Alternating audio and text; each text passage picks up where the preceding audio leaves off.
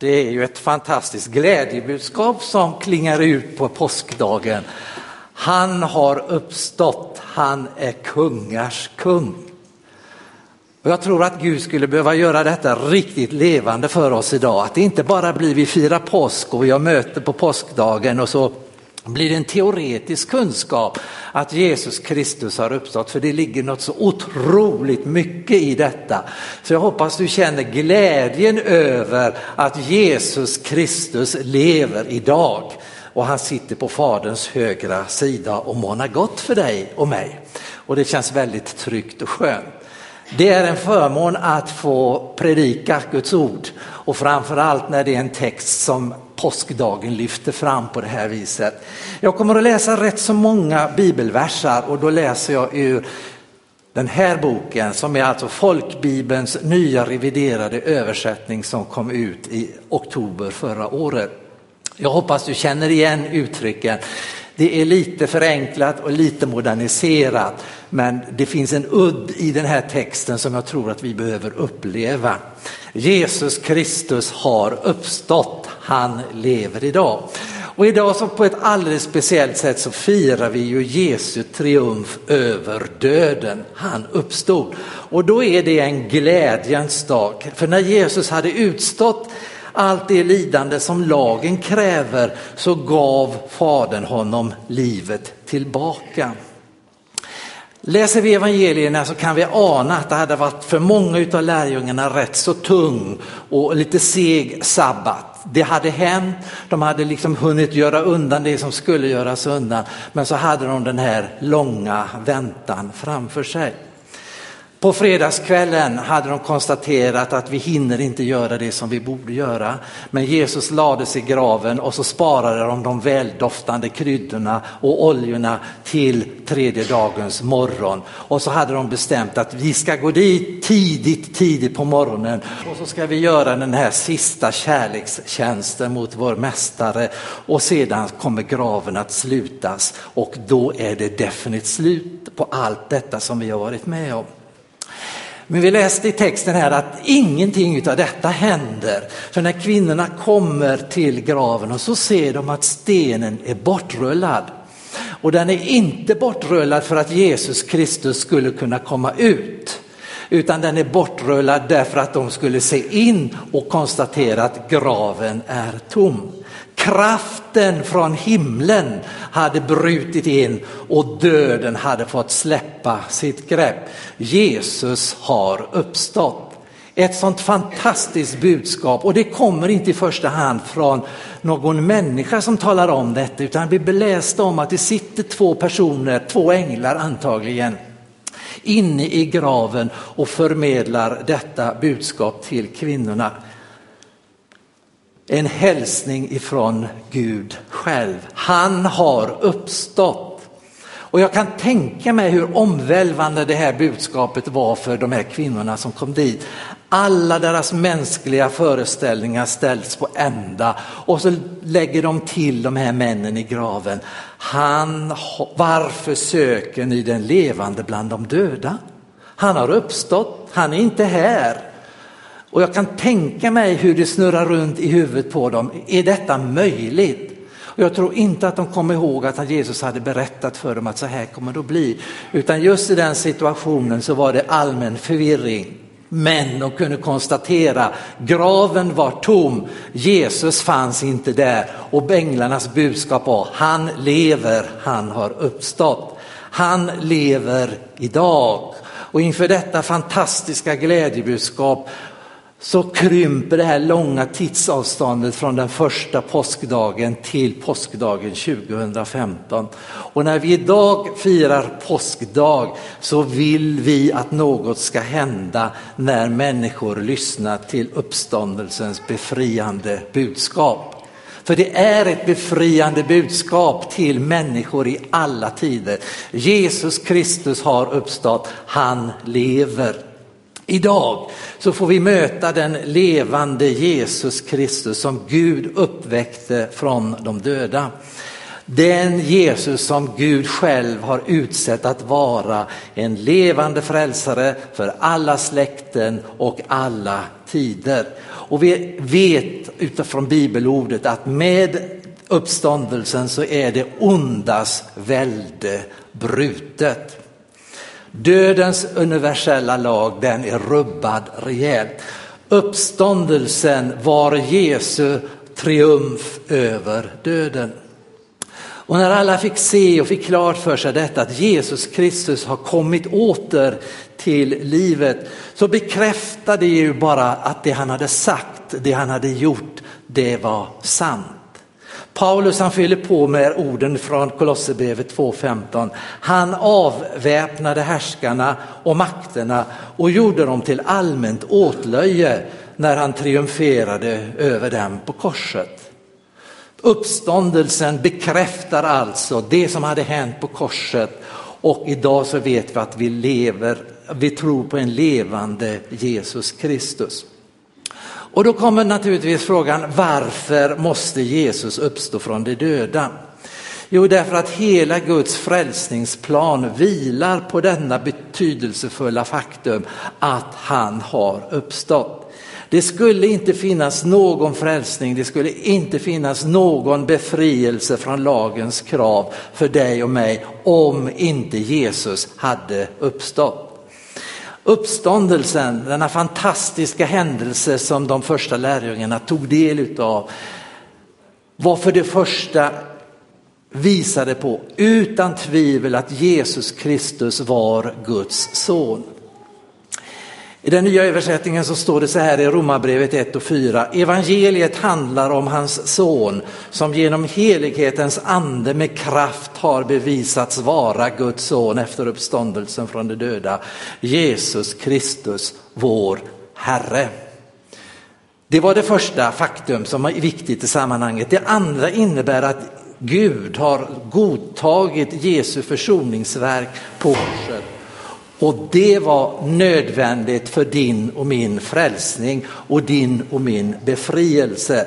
Han som utlämnades för våra synders skull och uppväcktes för vår rättfärdiggörelses skull.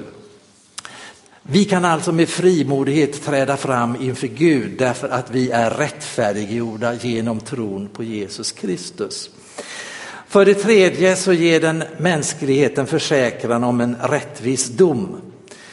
Jag citerar från Romarbrevet 5. Liksom det många stod som syndare genom en enda människas olydnad så ska också det många stå som rättfärdiga genom den endes lydnad.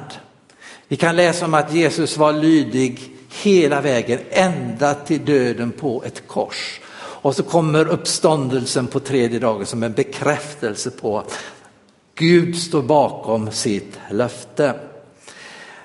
Det fjärde faktum det är att det är en garantin för att våra kroppar också ska uppstå till sist.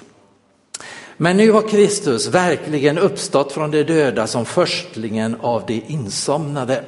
Så skriver Paulus i första Korinthierbrevet 15. Skriften den lär oss också våra kroppar kommer att läggas i en grav. Men de ska uppväckas på den stora uppståndelsens morgon.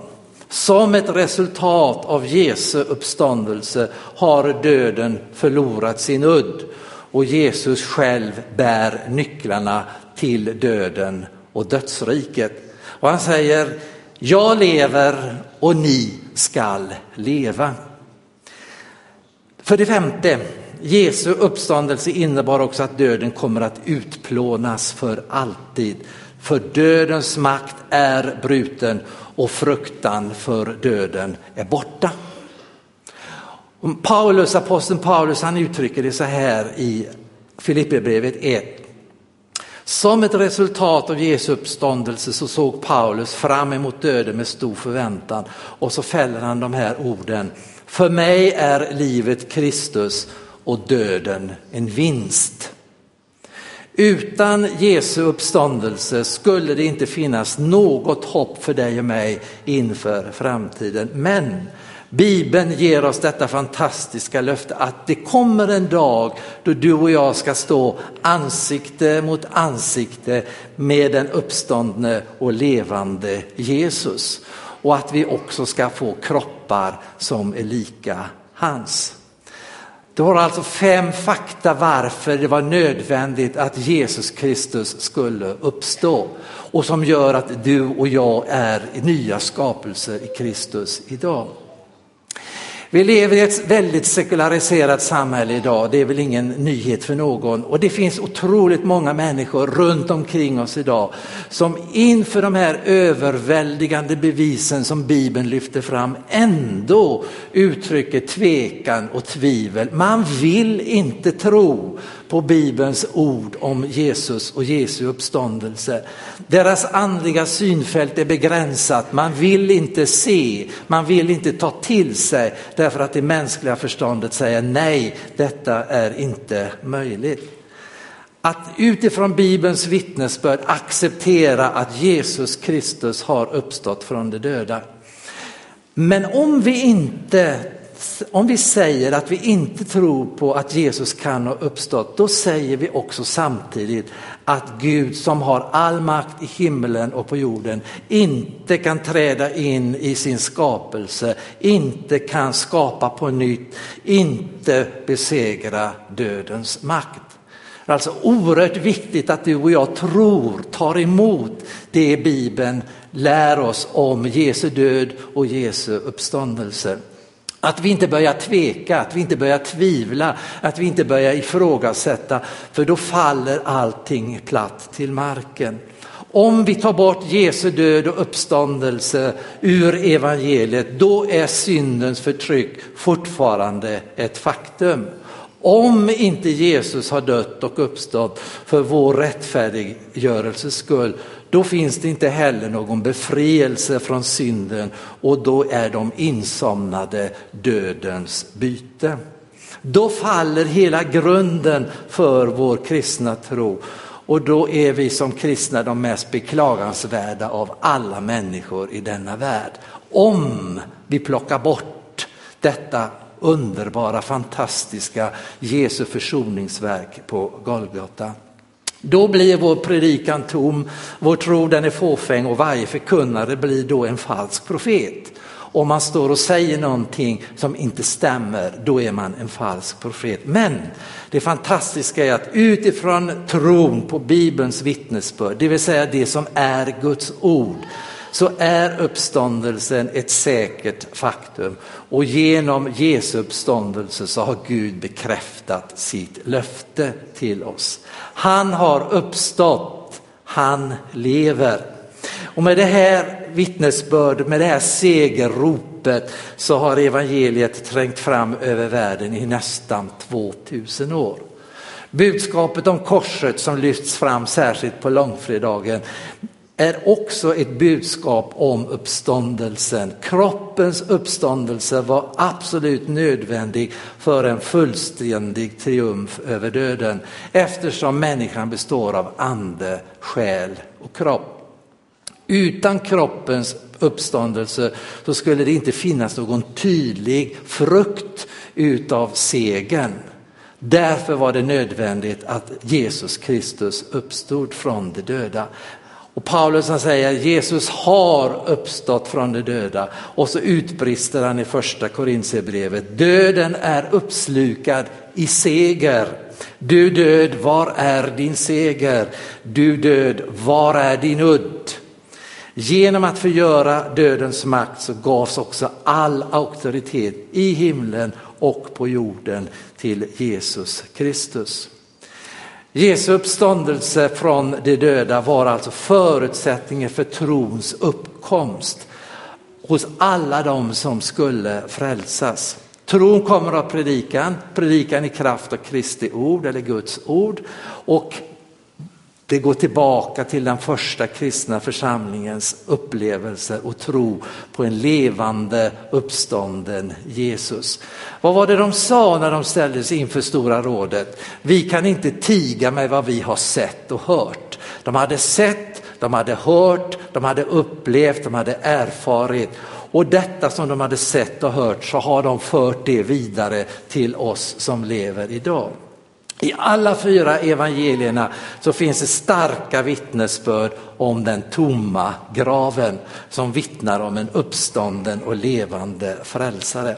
Och därför så levde man i den första församlingen, det kristna livet i seger, i stor glädje, i stor frimodighet. Och vår tro idag, du och jag som sitter i pingstkyrkan idag, den är otänkbar utan den första kristna generationens tro. De hade sett, de hade hört, de hade upplevt, de hade erfarit och de förmedla detta till nästa generation och nästa generation och nästa generation. Och den enskilda människan i vår tid, 2015, kommer till tro genom att du och jag vittnar om vår tro på en levande och uppstånden Jesus Kristus. Det fortsätter alltså det här från generation till generation, från generation till generation till dess Jesus kommer tillbaka. Jesus lever, han är uppstånden. Och får jag göra en, en liten kort sammanfattning utav dagens predikan. Genom tron på budskapet om korset och uppståndelsen har du och jag tagit emot befrielse från våra synder. Bördan är lyft av genom Jesu död och Jesu uppståndelse. Vi har fått förlåtelse, vi har blivit Guds barn, vi är födda på nytt till ett levande hopp och vi är nya skapelser i Kristus. Vår tro, din och min tro riktas mot Jesu person och hans försoningsverk på Golgata.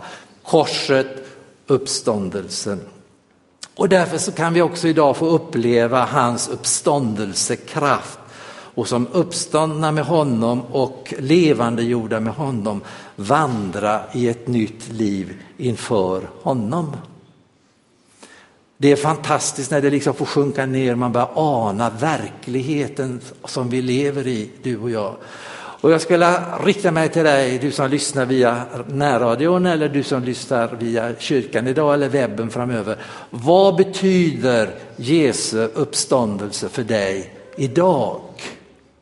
Vad betyder det att Jesus Kristus dog för dig men också att han uppstod för dig? Har betydelsen liksom svalnat av under åren eller lever du i denna fantastiska verklighet? Jesus dog för mig, han har tagit mina synder på sig, min skuld, mitt straff, allt tog han på sig och han har befriat mig så jag med glädje och frimodighet kan säga, jag är en ny skapelse i Kristus. Det här är en oerhörd verklighet som vi måste liksom kunna ta till oss och som får sjunka ner i oss. Men det är en verklighet att Jesus Kristus lever. Och idag säger Bibeln sitter han på Faderns högra sida och manar gott för dig och mig. Visst tar det tid att låta det här sjunka in och sjunka ner, men det är det mest verkliga men också det mest varaktiga. Att Jesus har uppstått för att leva och regera i evighet. Men det är en verklighet som vill beröra dig och mig och ur vilken du och jag kan hämta kraft här och nu. Varje dag kan vi leva i denna verklighet. Jag tror på en levande frälsare och så får jag hämta kraft ur detta. Det är en verklighet att leva i varje dag, inte bara på långfredagen och påskdagen utan året runt. Det är en verklighet som vibrerar av mänsklig erfarenhet, människor som tidigare har delat med sig av sina erfarenheter till oss. Men det är också en verklighet som vibrerar av gudomlig kraft. Det var Gud som grep in, det var den kraften som rullade bort stenen och uppväckte Jesus igen på den tredje dagen. Och det var det de här första lärjungarna fick se. Och vi kan inte tiga med vad vi har sett och hört, säger de. De har fört det vidare till dig och mig och vår uppgift är att vi ska föra det vidare till nästa generation och nästa generation. Jesus Kristus är uppstånden. Jesus, tack för att du har öppnat vägen till en nära relation med Gud. Det är det det handlar om. När du och jag tror och tar emot korsets budskap och Jesus uppstod för dig och mig han utropade det är fullbordat. Då öppnade han vägen ända in i det heligaste. Och det var det vi hörde i fredags i predikan alltså. Förlåten brast, den rämnade uppifrån och ner och plötsligt så kunde man se in i det heliga. Vägen är öppen och vägen är fri. Det handlar om att du och jag lever i denna verklighet och att den sätter prägel på våra liv. Jag tror på en levande Jesus Kristus och jag hoppas att du delar den tron med mig. Och kanske finns du här som inte riktigt säker på vad Jesu död och Jesu uppståndelse betyder för dig. Då skulle jag vilja rekommendera till dig, ta emot. Det handlar inte om vad du och jag kan göra, vad vi kan prestera, det handlar om att i tro ta emot detta fantastiska erbjudande, det gäller mig. Jag kan få uppleva syndernas förlåtelse genom att tro på vad Jesus har gjort för mig, att han tog allt detta som belastade mig och att han uppstod på tredje dagen. Och den kraften, uppståndelsekraften, kan vi få uppleva här och nu idag. Vi ber. Herre, jag tackar dig för detta fantastiska glädjebudskap som vi får förmedla också i vår tid. Att du dog på ett kors, du tog all vår synd, all vår skuld, all vårt straff tog du på dig Herre. Men du hade sagt att på tredje dagen ska jag uppstå igen. Och tack att vi får leva i denna tro Herre. Att du har uppstått, att du lever och att du sitter på Faderns högra sida och du manar gott för oss kära Herre. Gör detta riktigt levande för oss, att det inte blir bara teori för huvudet utan att det får sjunka ner i våra hjärtan och att det märks i det liv vi lever här Att vi tror på en levande uppstånden frälsare. Tack att du välsignar fortsättningen av den här gudstjänsten. Vi tackar och prisar dig i Jesu namn. Amen.